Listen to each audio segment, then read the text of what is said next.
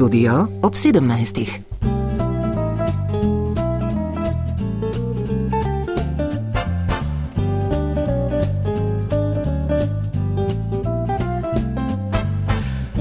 Spoštovane poslušalke, cenjeni poslušalci, ne mine dan, ko nas ne bi zaskrbelo za našo varnost. Vzrok za to pa je vojna v Ukrajini in vse, kar ta prinaša. Eno od vprašanj, ki te dni buri duhove, je oboroževanje Ukrajine. Ali je to učinkovito, ali bi morali okrepiti njene oklepne enote z zahodnimi tanki, morda celo letalstvo, ali pa bi bilo dobro, če bi Evropska unija in Zahodna vojaška zveza skušali poiskati mirovno rešitev, ki bi čim manj prizadela eno in drugo stran. Na ta in druga vprašanja bomo skušali odgovoriti v naši oddaji. V studiu pozdravljam goste. Državnega sekretarja za nacionalno in mednarodno varnost Andreja Benedejčiča, predstojnico katedre za obramboslovje Fakultete za družbene vede Jeleno Juvan, kolega novinarja, nekdanjega dopisnika iz Moskve Miho Lamprehta in analitika Draga Dakiča Prelca, avtorja več knjig z področja varnosti in obrambe. Lepo pozdravljeni vsi skupaj. Na telefonski zvezi pa imamo tudi našo moskovsko dopisnico Vlasto Jeseničnik. Vlasta, pozdravljena. Dobr dan, želim. Za začetek naše oddaje bi te vprašal, kaj je novega v Rusiji in kako pri vas odmevajo napovedi o pošiljanju zahodnih tankov na ukrajinsko bojišče.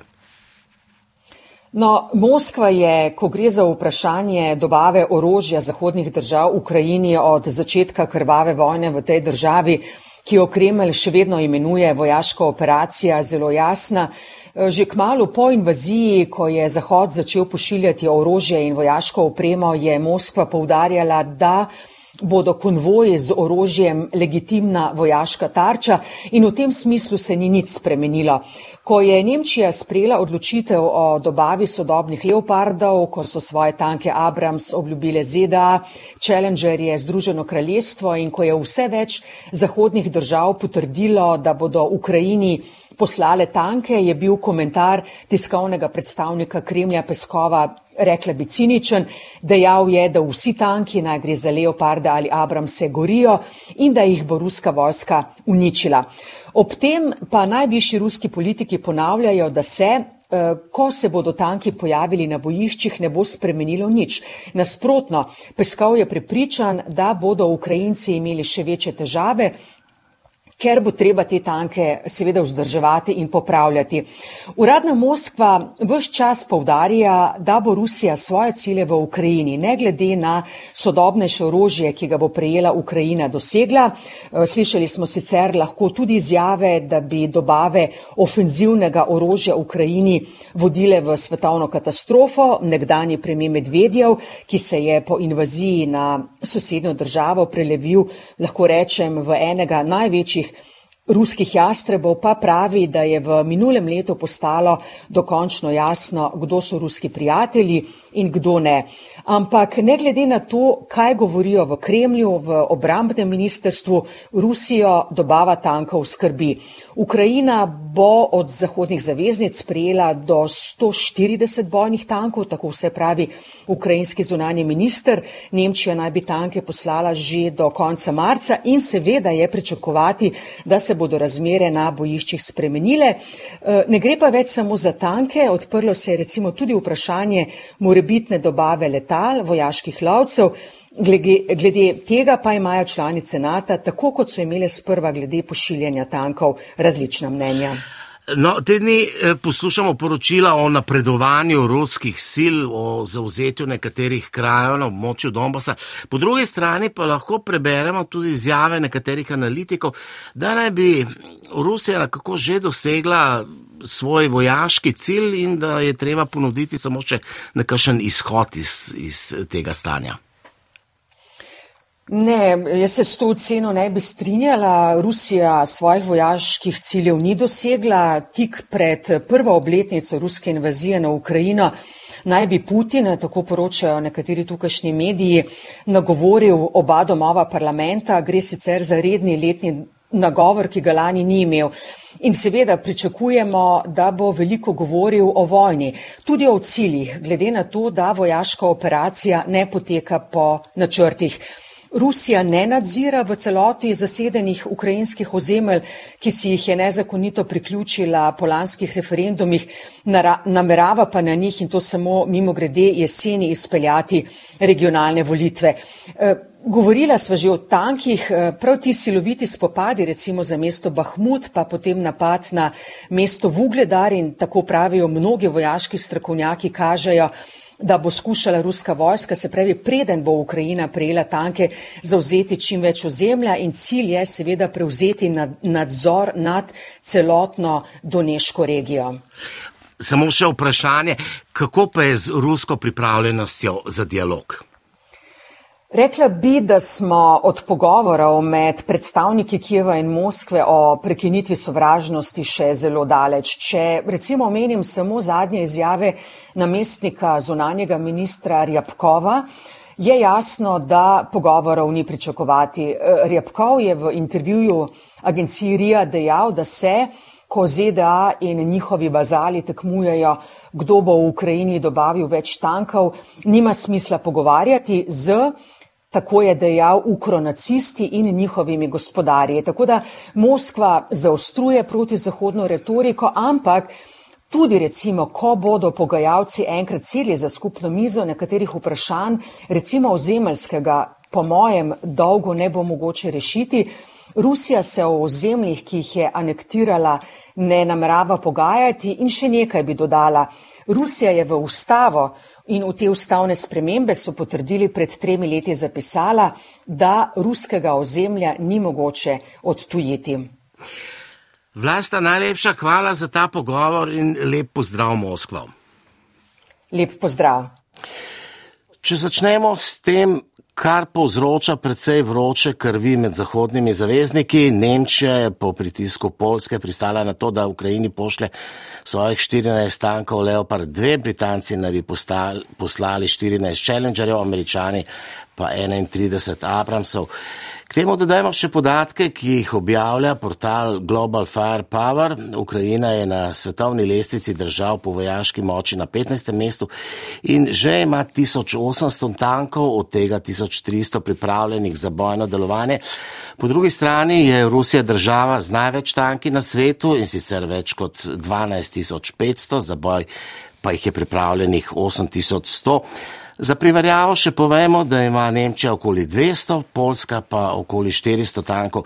Evropska država so v zadnjem času na omenjeni lestvici držav glede na njihovo vojaško moč predvsej padle, Nemčija je tako deset mest za Ukrajino. Še enkrat pozdrav našim gostom, Jeleni Juvan, Andreju Benedejčiču, Mihi Lamprehtu in Dragu Dakiču Prelcu. Kaj menite, ali se bo po napotitvi Leopardov, Challengerjev in Abramsov razmerje moči kaj bistveno spremenilo v korist Ukrajine? Morda najprej vi, gospod Dakič. Absolutno je vsaka pomoč Ukrajini v orožju in ostalih zadevah pomembna, predvsem zaradi treh razlogov: uh, izgub, okvar in izrabe. Dejansko v Ukrajini potekajo intenzivni spopadi, ki so za Ukrajino totalna vojna, za Rusijo še vedno specialna vojaška operacija. In eh, ne glede, da se podatki o dejanskih izgubah ukrajinskih sil ne objavljajo javno iz povsem razumljivih razlogov, vzdrževanje morala, eh, ohranjena podpore, obe strani v spopadih imata izgube in to občutne.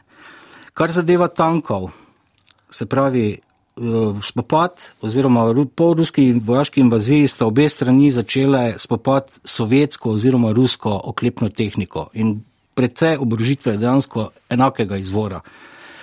Uh, novejših sistemov z redkimi izjemami ni bilo. Ko se samo pogleda struktura oklepnih enot, recimo v kljub velikemu številu, uh, Eh, prevladujejo na ruski strani tanki T-72, nekaj T-80, zelo malo T-90, ki bi veljali že za sodobnejše. Na ukrajinski strani pa smo imeli T-64, ki so se mimo grede v Sovjetski zvezi proizvajali v Harkovu, se pravi tudi obstajala v Ukrajini. Uh, nekaj manj T-72 in potem še razno razne različice v manjših številu, se pravi, absolutno Eh, razmerje moči je bilo, kaj se tiče oklepnih enot in tudi vseh ostalih oborožitvenih sistemov, ki se uporabljajo na strani Rusije. Rusija je pred invazijo teoretično imela 900 tisoč pripadnikov aktivnih uh, uh, oboroženih sil, Ukrajina približno 196. Uh, teoretično je Rusija razpolagala z dvomilijonsko rezervo na papirju, seveda, ker se, kot se je potem izkazalo tudi pri delni mobilizaciji. Ne. Zainteresiranosti med Rusi za vojno v Ukrajini ni. Ve se, kaj je dolžnost pri obrambi, čeprav zdaj je v vlogi agresije, se pravi agresorja, uh, absolutno razmerje sil je bilo uh, teoretično na strani Rusije. Ampak kar hitro se je izkazalo, ne, se pravi predvsem zaradi odločnega odpora ukrajinske strani in predcenjevanja ruskih zmogljivosti, da se je zadeva obrnila na nasprotno stran. Uh, skratka, izgube, okvare in izraba so narekovali, da Ukrajina potrebuje tudi eh, tanke med drugimi oborožitvenimi sistemi. Se pa odpira zelo veliko vprašanje, ne, ki se potem nadovezuje na naslednje. Oklepne enote so seveda premične enote, odlikuje se z ognjeno močjo, premičnostjo, se pravi mobilnostjo, pa z določeno oklepno zaščito. Uh, Ukrajina dejansko letalskih sil, ki bi pa podpirale te enote, sploh v operacijah povrnitve ozemlja, trenutno nima. In kot kaže, vsaj sodeč po izjavi predsednika Joea Bidna, uh, zaenkrat tudi ne bo dobila uh, kakšnih letalskih ukrepitev. Uh, gospa Juvan, zahodno orožje, ki ga dobiva Ukrajina, kakšen, kakšna prednost je to, če je pred rusko stranjo? Ja, zdaj prednost se kaže predvsem v tem, da če Zahod ne bi tako. Um, ambiciozno v bistvu pomaga Ukrajini že od začetka vojne, bi Ukrajina v bistvu že zdavnaj kapitulirala. Torej v bistvu Zahod za svojim finančno, humanitarno in predvsem materialno pomočjo pomaga Ukrajini, da brani lastno uh, nacionalno ozemlje. Um, tisto, kar se je pokazalo v bistvu v skoraj uh, letu dni časa, je, da bo dejansko potrebno še veliko več naporov z strani Zahoda, uh, tudi uh, oborožitvenih uh, naporov, da bi se ta spopad morda lahko prevesil v korist Ukrajine. Se pa strinjam s kolegom, kar je prej povedal, še vedno uh, ima ruska vojska izjemno premoč v teoriji. V praksi se je sicer pokazalo, da ima kar nekaj težav, predvsem z logističnim obskrbovanjem, um, uh, motivacijo uh, pripadnikov in tako naprej. Um, tako da tudi ti tanki, če ostanejo v številčnih okvirih, kot so postavljeni sedaj, po mojem mnenju ne morejo predstavljati na bojišču um, neke kritične točke, ki, bodo, eh, ki bo prevesila konec te vojne v ukrajinsko, v ukrajinsko smer. Eh, torej, tukaj pa tisto, kar se nakazuje, v bistvu trend v zahodnih državah, v zadnjih desetletjih, da v bistvu tank oziroma oklep ni več pomemben in da ga v prihodnih vojnah ne bomo potrebovali. Ne. To v bistvu tudi Slovenija v bistvu sledila temu trendu in ena izmed ključnih ugotovitev te vojne je v bistvu vrnitev oklepa oziroma tanka nazaj, nazaj skozi velika vrata. Če primerjamo recimo te vzhodne države, imajo veliko tankov in jih primerjamo z zahodnimi kjer, pa, kjer imajo pa recimo Velika Britanija, Francija, Italija nekaj sto tankov in, in to je njihova. V bistvu vse zahodne države nimajo toliko tankov skupaj, kot jih ima samo Rusija. Ja, pri teh številkah, številke se razlikujejo glede na ver, ki ga uporabljamo. Uh, pretekli teden sem na hrvaški televiziji poslušal nekaj hrvaškega analitika, ki je v bistvu za rusko stran uporabil tudi bistveno niže številke. Tako da dejansko mi ne vemo, v kakšnem stanju so te tanki in teh 12 tisoč, uh, ki jih omenjamo. Ne? Ali to samo stereotip, recimo, da če ima vojska zahodno opremo, da je to uh, korak naprej, da, da je v boljšem razmerju nasprot druge vojske? Mogoče Miha. Z veseljem poslušam vse, kar so predhodniki do zdaj povedali. Osebno se pridružujem uh, oceni uh, dr. Juvanove, da uh, nekako bistvenega preobrata na tako široki fronti po ruskih ocenah gre za 850 km dolgo fronto, po nekaterih drugih ocenah za 1500 km dolgo fronto. Skratka, za izjemno ozemlje. Vsekakor so pa ti tanki v tem trenutku izredno pomembni, bi rekel, za splošno ukrajinsko moralo, ki eh, v bistvu Ukrajina že, bom rekel, že skoraj leto dni eh, vrši odpor, ki ga v zadnjih nekaj desetletjih pravzaprav nismo videli. Pa vendarle se mi zdi, da če tudi bodo v razmeroma kratkem času ali pa recimo v, v času recimo pol leta dobili pa recimo 300 tankov, da to vendarle še ne bo uh, nekako uh, vrnilo uh, zadeve v neko odločilno smer. Zakaj?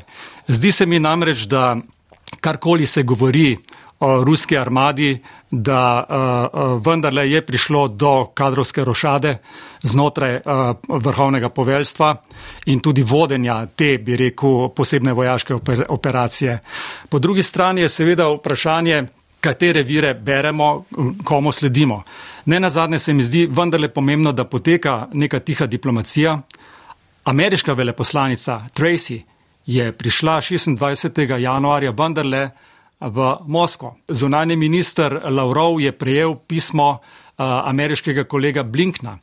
Mislim, da ni slučajno, da je Eh, ameriški predsednik Biden lakonično odgovoril na vprašanje, ali bomo poslali oziroma boste poslali lovce F-16. Kratko je odgovoril ne. In potem je sledila tudi izjava, bi rekel, predstavnika Pentagona, gospoda Kirbyja, ki je rekel, da Ukrajina v danih razmerah vendarle že prijema zadostno, bi rekel, količino uh, zahodnega orožja. Seveda je pa ključno vprašanje ob absolutno jasni, uh, brezpogojni obsodbi uh, tega, Eh, bom rekel, zverskega početja, eh, ki ga Rusija počne. Če pogledamo nekatere ruske komentatorje, oni pravijo, da je ruska armada na nek način v podobni situaciji Eh, kot je bila, eh, bom rekel, ko so bile oborožene sile carske Rusije. Ne. To so, bom rekel, res eh, različni pristopi in pa ocene. Zakaj se kje kaj plasira, je seveda spet drugo vprašanje. Po nekaterih ocenah so Rusi bolj oddaljeni od zmage, kot so bili na začetku te, bom rekel, vojaške operacije, ki se je napovedala 22. oziroma je bila začetek njen, je bil pa izveden 24.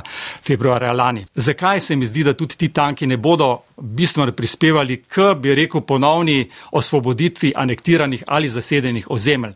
Zato, ker vendarle se mi zdi, da Rusija tukaj ni uporabila vsega te vojaškega potencijala in pa ognjene moči. Uh, ni uporabila uh, najmodernejših, sofisticiranih, bom rekel, lovcev, uh, ni uporabila nekaterega drugega vrsta orožja, hkrati se zateka k, bi rekel, jedrski obramni doktrini, eh, grozi, taktizira in bo najbrž prignala v bistvu to eh, psihološko vojno do nekega samega roba.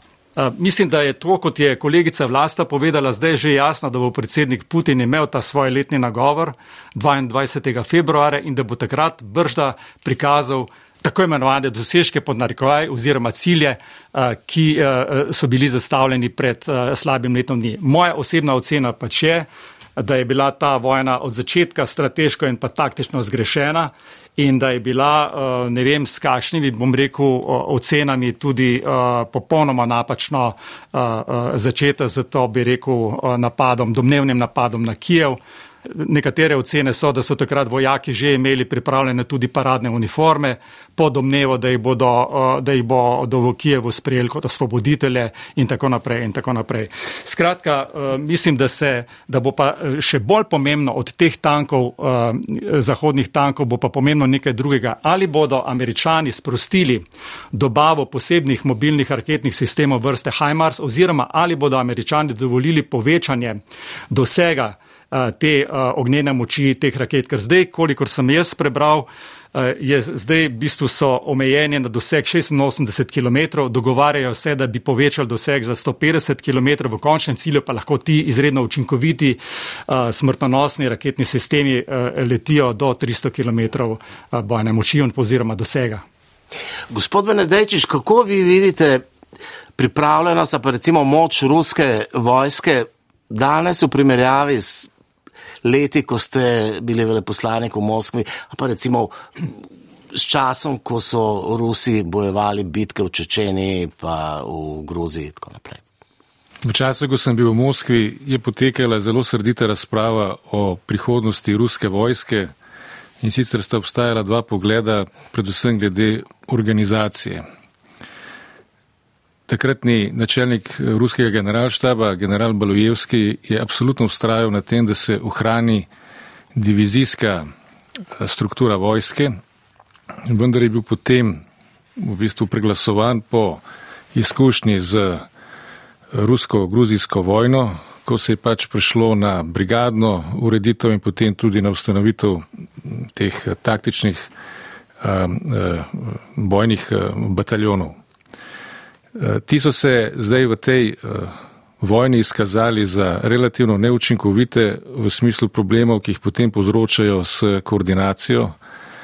In uh, zato je zelo pomenljivo, da zdaj v zadnjih tednih poslušamo o tem, da se Rusija v bistvu zdaj vrača nazaj na divizijski način organizacije svojih vojaških enot, ker pomeni potem tudi tisto klasično polkovno strukturo in pa potem tudi neki večji nadzor ne, od eh, poveljstva divizije navzdol. Tako da eh, nekako se zdaj ruska vojska, bom rekel, vrača k svojim prejšnjim koreninam eh, in zelo pomembno se mi zdi tudi to, da je zdaj načelnik ruskega generalštaba Gerasimov odgovoren tudi za to posebno, kot oni pravijo, vojaško operacijo. Sicer pa, kar se tiče eh, same opreme, nekako radi pravimo, da je NATO kot Vatikan, ne, nezmotljiv in da se zato včasih eh, težko pogovarjamo o določenih napakah, ki so bile storjene v preteklosti. Vendar pa je dejstvo, da je sekretarjat eh, NATO, eh, še posebej njegov vojaški del, bil predvsej aktiven pred desetletji v razmišljanju o tem, da je naša bodočnost ekspedicijska in da se je treba predvsem pripraviti na bojevanje v daljnih bojiščih in da v tem smislu tanki predstavljajo preteklost. Kot veste, so nekatere države ta način razmišljanja sprejela do te mere, kot naprimer nizozemska, da so vse svoje tanke dejansko ukinile. En od razlogov, zakaj imamo toliko tankov med novimi članicami Zveze NATO, je bil v bistvu v tem, da so se znašli takrat pred dilemo, kaj narediti zdaj s to staro opremo, ki ne bi bila že uh, nekakšna preteklost uh, in kje v bistvu dobiti zdaj to novo, to ekspedicijsko. Kot veste, smo se tudi mi soočili s to dilemo. Eh, prišli smo do kompromisa, da smo v bistvu se odrekli tistim oklepnim bataljonom, ki smo jih imeli, vendar smo zadržali upremo in tudi določeno znanje. In to nam sedaj seveda koristi. V bistvu Slovenija je postala ena od tistih držav, ki je izredno zanimiva, ker se tiče pomoči Ukrajini tukaj in zdaj. In ko rečem tukaj in zdaj, mislim na to, da seveda ta uh, zahodna oprema, ki bo prišla, je zelo kvalitetna, vendar se jo treba priučiti, to pa seveda vzame tudi nekaj časa. Vsa oprema, ki jo ima Slovenija, je Ukrajincem znana. Tudi modernizirani tanki T-55, ki smo jih poslali, je jim v bistvu znana. Razlike so predvsem, ker se tiče dodatnega oklepa in pa top je drugačen, močnejši, ampak sicer gre za tank, ki ga poznajo. Prav tako seveda poznajo naše M84, ki jim seveda pravijo T72 in tudi zato je eh, Slovenija, bom rekel, še vedno ena od tistih držav, ki se precipira kot država, ki lahko pomaga v tem ključnem trenutku, v tem trenutku časovnega obdobja med napovedjo zahodne eh, težke oborožitve in eh, njene dejanske operativne uporabe. Seveda pa se treba zavedati dejstva, da vsi ti zahodni tanki, ki bodo prišli na ukrajinsko bojišče, so bili dizajnirani v času hladne vojne in so torej tudi upoštevali NATO doktrino iz tistega časa, da NATO ne bo napadal, ampak se bo branil. Se pravi, narejeni so bili za scenarij tega, da se bodo zoprstavili v obramnih pozicijah masovnim napadom sovjetskih tankov, s katerim se bodo sedaj soočili očitno v Ukrajini, ampak v drugi vlogi. Zdaj ne bi napadali oni. In tudi zato bo potem zanimivo videti, kako se bo potem, govorim zdaj zanimivo z čisto vojaškega stališča, se da gre za grozne stvari, ne, kako se bo potem na samem terenu tudi ta eh, tehnika izkazala. Za leoparde bi samo rekel, da eh, seveda so izredno močno orožje, ampak kot je izkusila tudi recimo turška vojska v Siriji, ni neuničljivo. Ne. Tako da nas po moje čakajo še težki meseci, seveda se pa hkrati tudi vsi bojimo tega, da bi dejansko še ta mesec, v drugi polovici tega meseca, mogoče prišlo do večje ruske ofenzive, ki bi bila usredotočena na levo brežno Ukrajino. Gospod Nedečič, naj izkoristim to, da uh, tukaj gostimo vas, državnega uradnika, uh, za vprašanje. Umenjali ste naše napotitve uh, tankov, mislim, da 55. Uh, je s tem kaj oškodovana naša obramna sposobnost oziroma kako to vpliva na našo varnost, če recimo pošljemo te tanke v Ukrajino ali pa vem, tudi te modernejše tanke. M84. No, mi smo poslali našo strateško rezervo, mi smo poslali 35 tankov M55S, pardon, 28, 28. Pri tem smo pa poslali še 35 uh, oklepnih vozil, uh, bojnih vozil pehote, se pravi uh, M80. Tako da mi smo v bistvu poslali za približno dva oklepno mehanizirana bataljona opreme, kar je zelo veliko glede na, bom rekel, relativno velikost uh, naše države. Zdaj, kot rečeno, šlo je za strateško rezervo. V operativni uporabi imamo nekaj nad 40 tankov M84, ampak seveda ravno koncept kolektivne obrambe izhaja iz tega, da jo izvajaš ne le na svojem ozemlju, ampak tudi izven svojega ozemlja. In v bistvu na ta način mi pač pomagamo Ukrajincem, da na nek način branijo tudi nas in sicer že na tistem bojišču. Eh, seveda pa bo kakršna koli razprava o nadaljni slovenski pomoči vse težja eh, in bo tudi zahtevala en poglobljen razmislek, tudi zaradi naših razmišljanj o tem, kako se slovenska vojska v prihodnje. In tukaj bi pa rad opozoril na to, da se je ravno zaključila tudi javna razprava o resoluciji upremljanja slovenske vojske do leta 2040, ki v bistvu predvideva ohranitev in pa modernizacijo naših preostalih oklepnih sil. Mi se bomo zdaj soočili v naslednjih tednih in mesecih z, rekel, precejšno dilemo, ker se tiče možne dodatne vojaške pomoči Ukrajini. Kaj pomeni to, da recimo država kupuje tanke od druge države, recimo Ukrajina, da, da ne bo imela več toliko ruskih tankov, ampak bo kupovala na zahodu. To pomeni recimo dolgoročnejšo odvisnost, a to pomeni za neko državo tudi zavezništvo, če kupuje tanke ali pa če recimo kupuje letala. Dakič, uh, dejansko gre uh, predvsem za posel, ne? se pravi tisto, kar trg ponuja in tisto, kar se da dobiti na trgu. Zavezništvo samo po sebi ne ker običajno države v današnjem času sklepajo vse bilateralne sporazume, se pravi dvostranske sporazume o obramnem sodelovanju in sam nakup še ne pomeni zdaj nekega poglobljenega zavezništva, razen če kupujemo znotraj NATO, recimo. Ne. Ampak za Ukrajino pa to absolutno pomeni, glede kot so resursi, ki jih je imela pred invazijo in tisto, kar je porabljeno, se, se izrabili, porabili. Razen tega, da se Ukrajina brani je v enem zelo kompleksnem procesu, ki je tudi v miru zahteven in naporen in tudi finančno drag, se pravi preusposabljanja vlastnih oboroženih sil na zahodne sisteme. Ne samo, da so drugačni, tehnološko so naprednejši, običajno, ko smo govorili prej o tankih. Ne. Drugačna filozofija, ne glede na to, če so iz časa hladne vojne. Prednost zahodnih tankov jaz vidim predvsem v tem, absolutno, da mora biti zadostno število. Ne? Ker če jih pošiljajo samo v količinah, da Ukrajina se drži nad vodo, kot se reče, da se lahko še naprej brani za nedoločen čas, to ne spreminja razmerja moči, se pravi. Zadeva je pa taka, da recimo v primerjavi z večino sovjetskih oziroma ruskih tankov, zahodni tanki z optoelektronsko opremo, z balističnimi digitalnimi računalniki, se pravi eh, z termovizijskimi noč, eh, no, napravami za delovanje po noči in v razmerah slabše vidljivosti, lažje odkrijajo cilje, hitreje in na večjih daljavah delujejo po nasprotnikovih tankih. Kar večina ruskih tankov, če izključimo te 14, te 90, ki jih je pa zaenkrat manjina, ne, se pravi, ki jih ni ogromno v uporabi, prednost. Ne. Je pa res, da zahteva usposabljanje. Eh, za razliko od eh, ruskih oziroma sovjetskih tankov, enega člana posadke več. Se pravi, tu je polnilec, ki ga, pri, ki ga pri sovjetskih oziroma ruskih tankih ni. So tri članske posadke: poveljnik, voznik in uh, strelec. Se pravi, tu je polnilec. Se pravi, za 100 tankov najmanj 100 tankistov, ki pa jih je treba usposobiti. Nekdanja Jugoslavija je nekje do leta 1957 uh, dobivala predvsem ameriško zahodno orožje, letala, uh, tudi uh, oklepne, uh, oklepna vozila.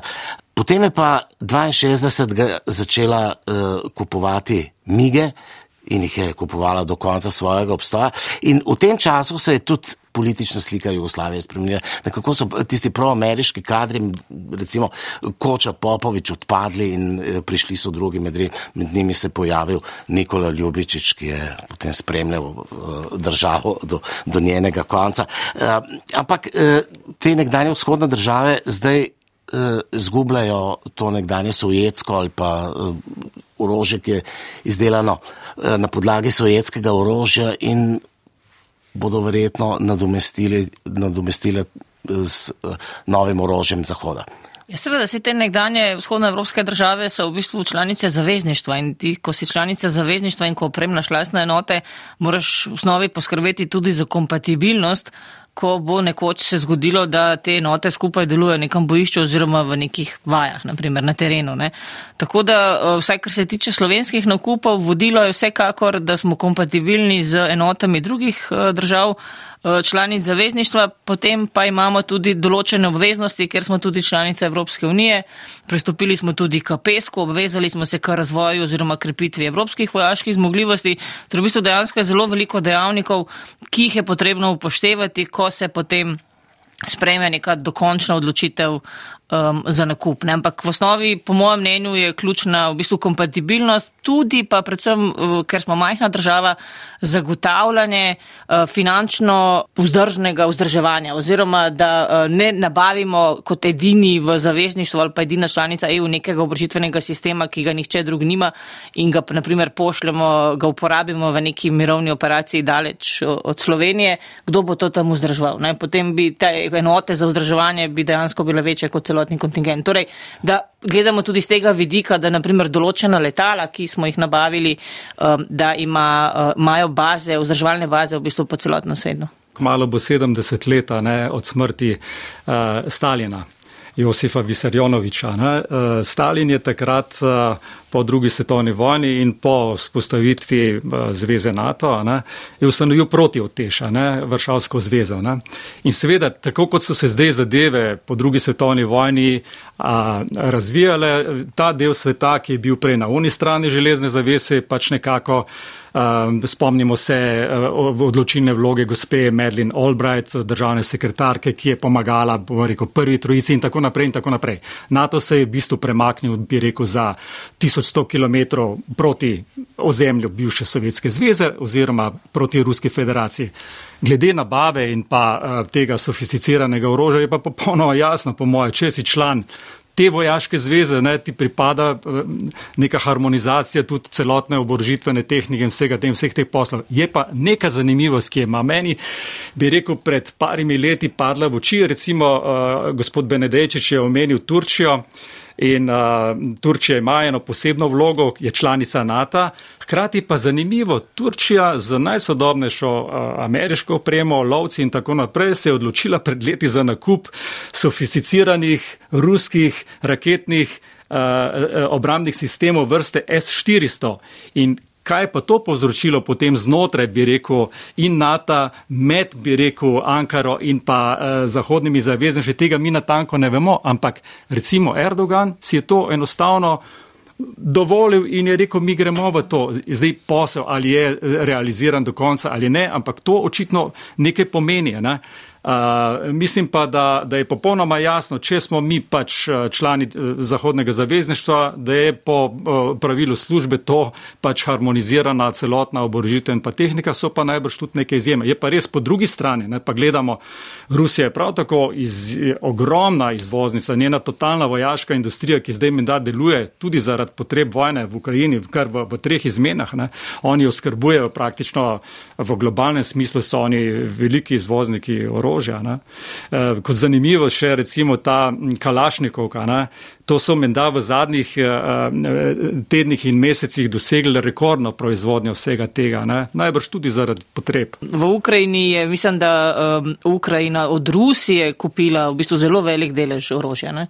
Zanimivo mesto Soledar na območju Donetska naj bi zasedla skupina Wagner. Nedavno pa je prek zaledenelega jezera z Rusije na Norveško pribežal pripadnik te skupine, 26-letni Andrej Medvedev in zaprosil za azil. Ob tej priložnosti je dal tudi vrsto intervjujev zahodnim medijem, med drugim BBC, CNN-u kjer je povedal, da skupina Wagner v boj pošilja popolnoma nepripravljene borce, da jih pošiljajo kot topolsko hrano in seveda ustrelijo tistega, ki ne želi streljati oziroma uh, izvrševati ukazov.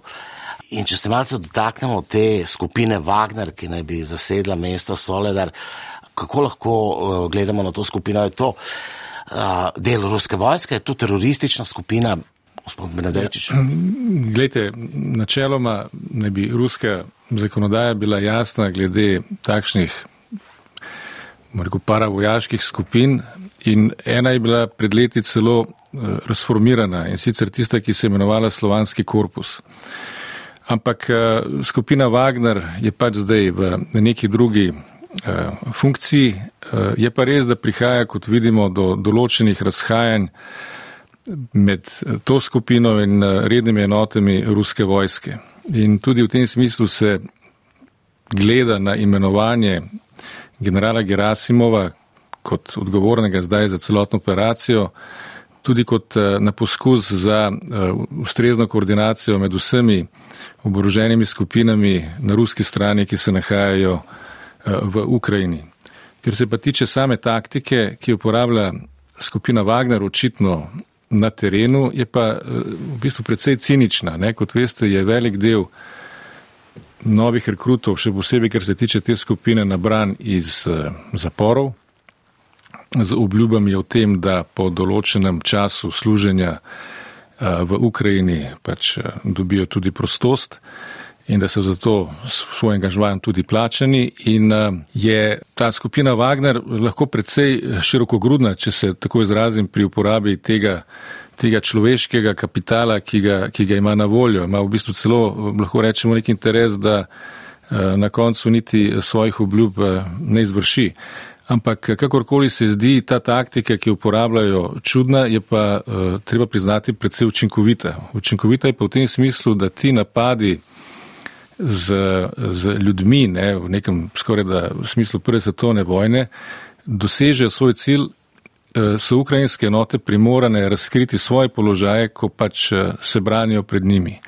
In takim eh, masovnim napadom ljudi, tudi ko so odbiti, potem takoj sledi artilerijski napad na razkrite ukrajinske pozicije. In zato se te taktike, kakorkoli cinična se zdi, eh, ne sme podcenjevati, ker povzroča strahovite izgube na ukrajinski strani zaradi posledičnih potem artilerijskih napadov. Kot veste, pa je razmerje na terenu, kar se tiče artilerije, še vedno v izraziti, izraziti, izrazit eh, prid Rusije. Eh, praviloma na vsakih 5000 streljenih ukrajinskih granat prileti 45 tisoč ruskih granat. Tako da eh, to, kar se dogaja na terenu, eh, ni za podcenjevati, zahteva eh, ogromne žrtve na, na obeh straneh in celo v tej čudni navidez taktiki, ki jo uporablja skupina Wagner, je tudi neka cinična logika. To se mi zdi zanimivo, kar je gospod Benedejčič povedal. Ne? So protizakoniti in prepovedani, ampak po drugi strani to daje izjemen manevrski prostor aktualni oblasti, da s tem, kar oni počnejo na terenu, na fronti, praktično nimajo nič. Jasno pa je, da je tukaj popolnoma jasna povezava, bom rekel, vodje Wagnerja, gospoda Prigožina in pa predsednika Putina in tako naprej. Ampak sam, samo še tole, ali je protiteroristična skupina, je bilo nekako izhodišno vprašanje, odvisno z kakšnega zornega kota gledamo. Ne? Ne, ali je teroristična skupina? Američani so jo razglasili, da je teroristična skupina. Pri tem pa moramo vendarle biti toliko pošteni, pa preklizati v spopin tudi delovanje, bom rekel, ameriških paravojoških enot, njihovo delovanje, recimo skupine Blackwater v Iraku, Afganistanu in tako naprej. To Julian Assange zelo lepo opisuje v svoji knjigi. Se upravičujem.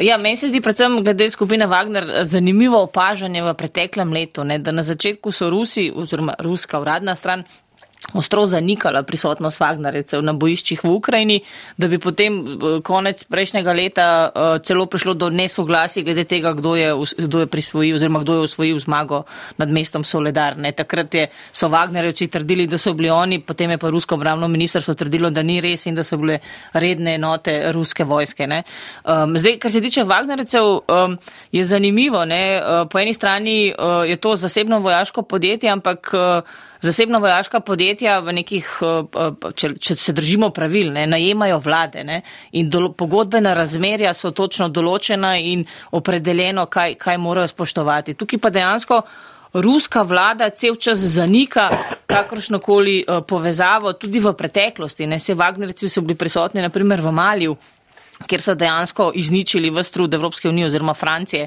za stabilizacijo razmer tam. Uh, tako da uh, imamo na nek način uh, delujejo, uh, torej vlada, v bistvu ruska vlada zanika, na nek način priznava. Sedaj uh, gospod Banedejčič je uh, torej jasno pokazal, kako skupno delujejo na bojiščih. Uh, so pa tudi v bistvu izjemna sila, ki je dejansko pripravljena uporabljati vsa sredstva, nedovoljena sredstva, tudi v bistvu žrtvovati izjemno število svojih pripadnikov kar pa praviloma redna vojska ne bi smela početi.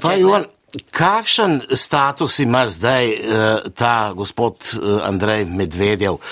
On je pripadnik neke uh, skupine, ki je na, zaho na Zahodu označena kot teroristična skupina, morda kot, kot vohun.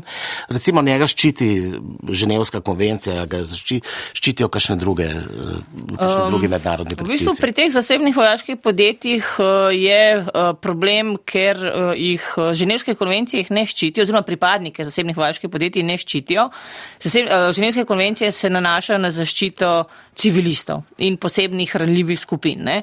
Nekdo, ki pa na nekem bojišču deluje, uh, ima vse oznake, da je bojevnik, eh, nosi uniformo, jasno odkrito nosi orožje, tudi morda nek simbol pripadnosti določeni strukturi, to pač ni civilist. On ne, ne uživa nobene posebne zaščite, ravno tako ne uživa posebne zaščite v primeru, da je zajet. Torej, vojni ujetniki oziroma ravnanje z vojnimi ujetniki je po ženevskih konvencijah strogo regulirano.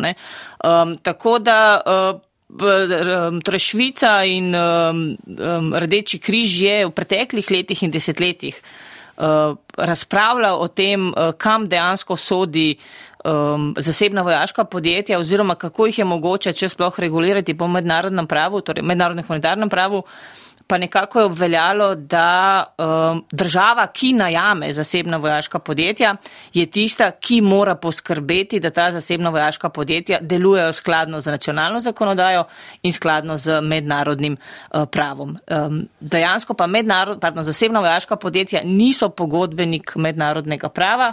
Uh, v začetku so bile pogodbenice mednarodnega prava izključno države, potem se je to preneslo na človeka uh, in na posameznika in z statutom mednarodnega mednarodnega kazenskega sodišča smo dobili v bistvu neko to eh, novo dimenzijo eh, mednarodnega pravnega delovanja, ampak zasebna vojaška podjetja niso pogodbeniki mednarodnega prava.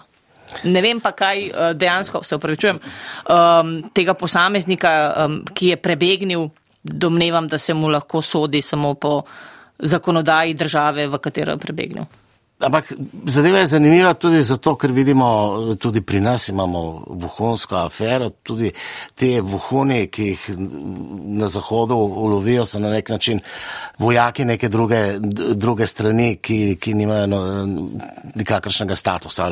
Recimo obstaja, obstaja neki okvir, kjer, eh, kamor bi lahko recimo postavili tudi pravice vohunov pač, eh, po mojem mnenju, pa, pa pravna pristojnost je tiste države, kateri, na katerem ozemlju so bili uh, odkriti in pa tudi pravna pristojnost v primeru, da pride do izročitve matični državi, pač matična država je tista, ki je pristojna. Ne? Sej, neka pravila pa vseeno veljajo. Zasebna vojaška podjetja, se pravi, se gre prostovoljno. Ne? Prisile ni, ne. tudi ustanovljena so. Zdaj pa zadeva je pa taka, ta komercializacija vojne. Ne. Na koncu koncev pogodbenik je država in tudi država bi ne odgovarjala. Poglejte se primer. Za primer pripadnikov Blackwater v Iraku 2017, uh, uh, mislim, da so bili udeleženi v pomor civilistov.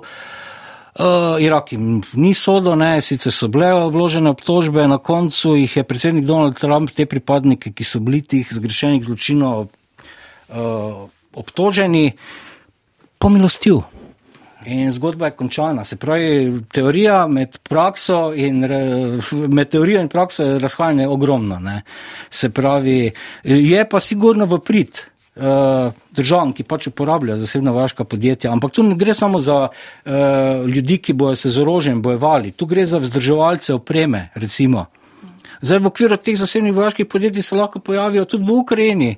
Vse, vse, dejansko, ne, dejansko, kdo bo vzdrževal to opremo? Ne? Če mi, mi računamo, recimo, da za nek sistem uh, traja osnovno usposabljanje, se pravi v mirnodobnih razmerah, recimo šest mesecev. Ne? Je kdo pa ima časa v vojni usposabljati? Ne, ne, ne enega, ampak celo kupico teh ljudi. Ne?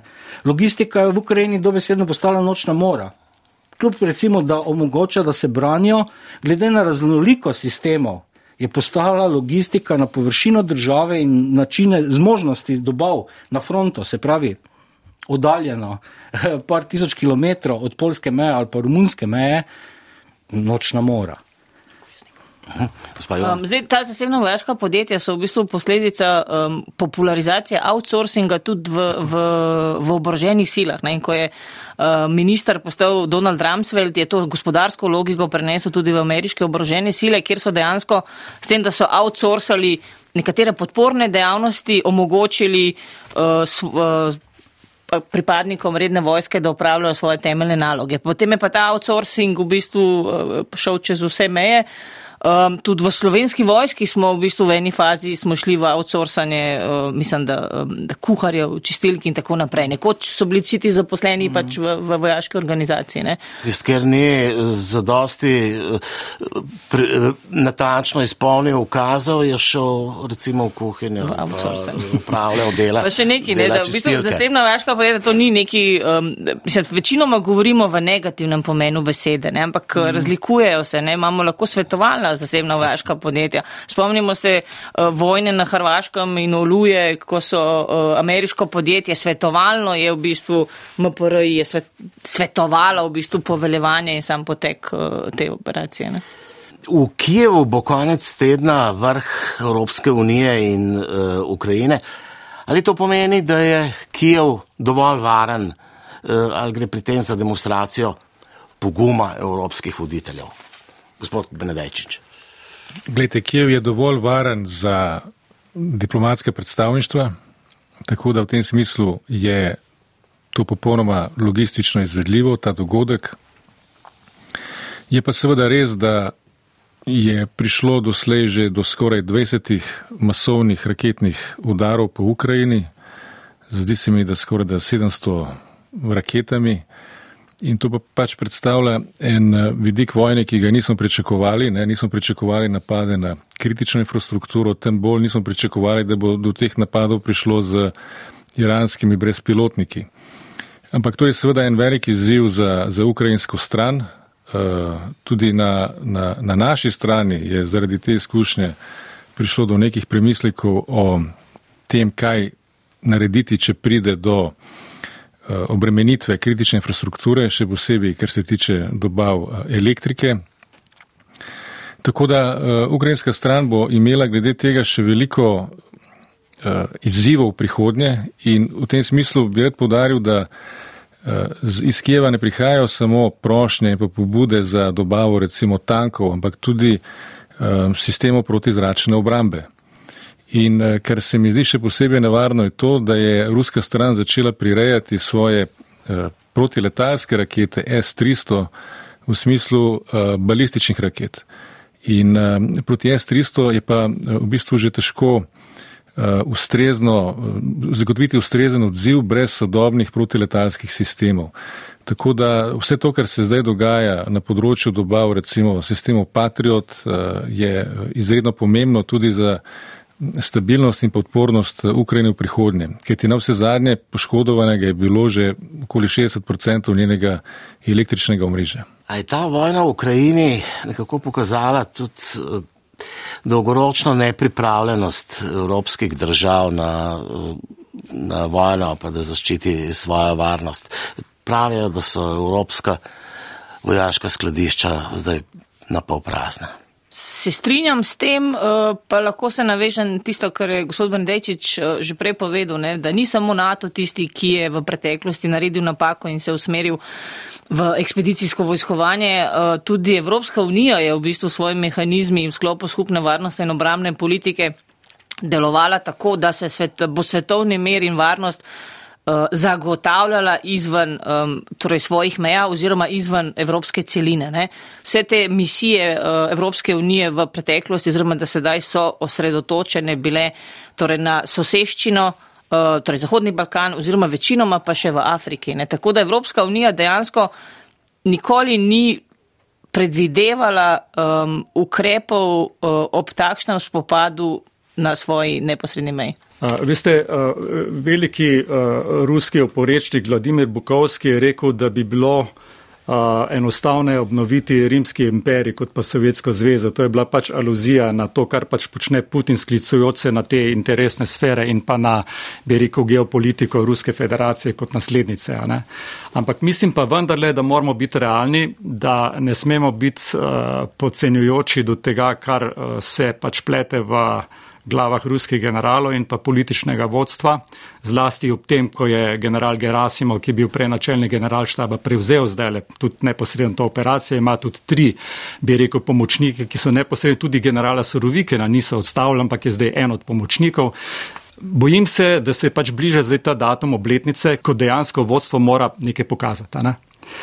Eh, lahko pride do tako močne te spomladanske ofenzive, ki bi lahko v končni posledici pomenila to, da je ta, bi rekel, vzhodni del uh, reke Dnepr, kjer gravitirajo, bom rekel, tudi vsa ta, bi rekel, že anektirana ozemlja, kjer so bili izvedeni tudi referendumi, kakorkoli legitimnosti teh referendumov mednarodne nimamo, in da bi lahko uh, Ruska federacija to vzpostavila kot neko osnovo mogoče za neka pogajanja. Vendarle, ker neke pogajanja v neki prihodnosti oddaljeni ali bližnji bodo vendarle sledila. In zdaj, kaj bo pa tista cena, kaj bo tista osnova, ki bo v bistvu za nek, da bo napočil nek pravičen mir. Zanimivo je pa vendarle nekaj, da je, da je vpliv na ruski pisatelj Vladimir Sorokin Zelenskega označil in rekel, to je junak našega časa. Se pravi, damo je v bistvu eno, eno lepo priznanje, tudi v tem, bi rekel, kulturno-zgodovinskem uh, oziru. Ampak kaj pa bo tista osnova, kaj bo feasible, kaj bo mogoče doseči v bistvu v teh pogajanjih, kakšen lahko postane ta, bi rekel, pravični mir. Ampak zdaj bi mogoče samo to. Zdaj jasno je, da ta, bi rekel, zahodna NATO, ameriška uh, orientacija tudi Evropske unije. Je, da pač Ukrajina mora zmagati, prva stvar, druga stvar, Rusija mora biti poražena, nekateri celo s figo že popravijo, ja, mora biti poražena, ampak ne dokončno, da vendarle uh, Putin nekako uh, ostane kot nek pogajalc, ker vendarle se mi zdi Rusija, zgodovinsko gledano, uh, težko, uh, da je poražena. Zdi pa se mi, da je, da je verjetnejša opcija Rusija lahko porazi samo sebe. Se pravi, če pride do teh močnih, bi rekel, družbenih sprememb, zdaj celotno uh, uh, civilno družbeno gibanje, vsi uporečni, vse, bistvo, ali so v tujini, ali so pod rušo, ali so po zaporih. Ne? In ta, bistvo, Putina je oblasti 23 let in ni videti zaenkrat, da, da bi tukaj znotraj tega monolita oblastnega vojaškega nomenklaturnega prišlo do neke bistvene spremembe. Ampak vendarle, ja, potrebno bo ta spopad končati ali bo prišlo do nekega demilitariziranega ozemlja, kjer se bo pač nekaj spostavilo, nek dialog, to, to mislim ne vemo, ker če bi to vedeli, bi najbrž sedeli nekje druge, pa bi delali neke študije. Hočem reči, ja. Rusija je lahko poražena, ampak če bo ta sprememba prišla, bo neko iz, iznotraj, znotraj Rusije, da, da bi prišlo do nekih uh, sprememb širših in tudi sistemskih sprememb družbenih. Kmalo bo minilo leto od začetka ruske agresije in vojne v Ukrajini. Ta vojna je postala stalnica našega življenja in tako tudi našega informativnega programa. Za danes smo zaključili s to temo v upanju, da bomo kmalo lahko poročali tudi o miru. Zahvaljujem se gostom Andreju Benedejčiču, Dragu Dakiču. Jeleni Jovan in Mihi Lamprecht, pa tudi vam, spoštovane poslušalke, cenjeni poslušalci. Vabim vas, da nam prisluhnete tudi jutri ob tem času, ko bomo govorili o izhodiščih za pokojninsko reformo. Do takrat pa se poslavljamo, Janes Podlesnik, urednica Erika Šturar, moje ime je Marjan Vešligaj.